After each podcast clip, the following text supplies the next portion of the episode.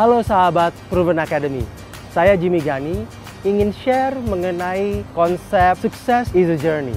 Seringkali kita menetapkan satu destinasi dan menjadikan destinasi itu sebagai sukses. Padahal destinasi itu harusnya bagian dari perjalanan yang panjang.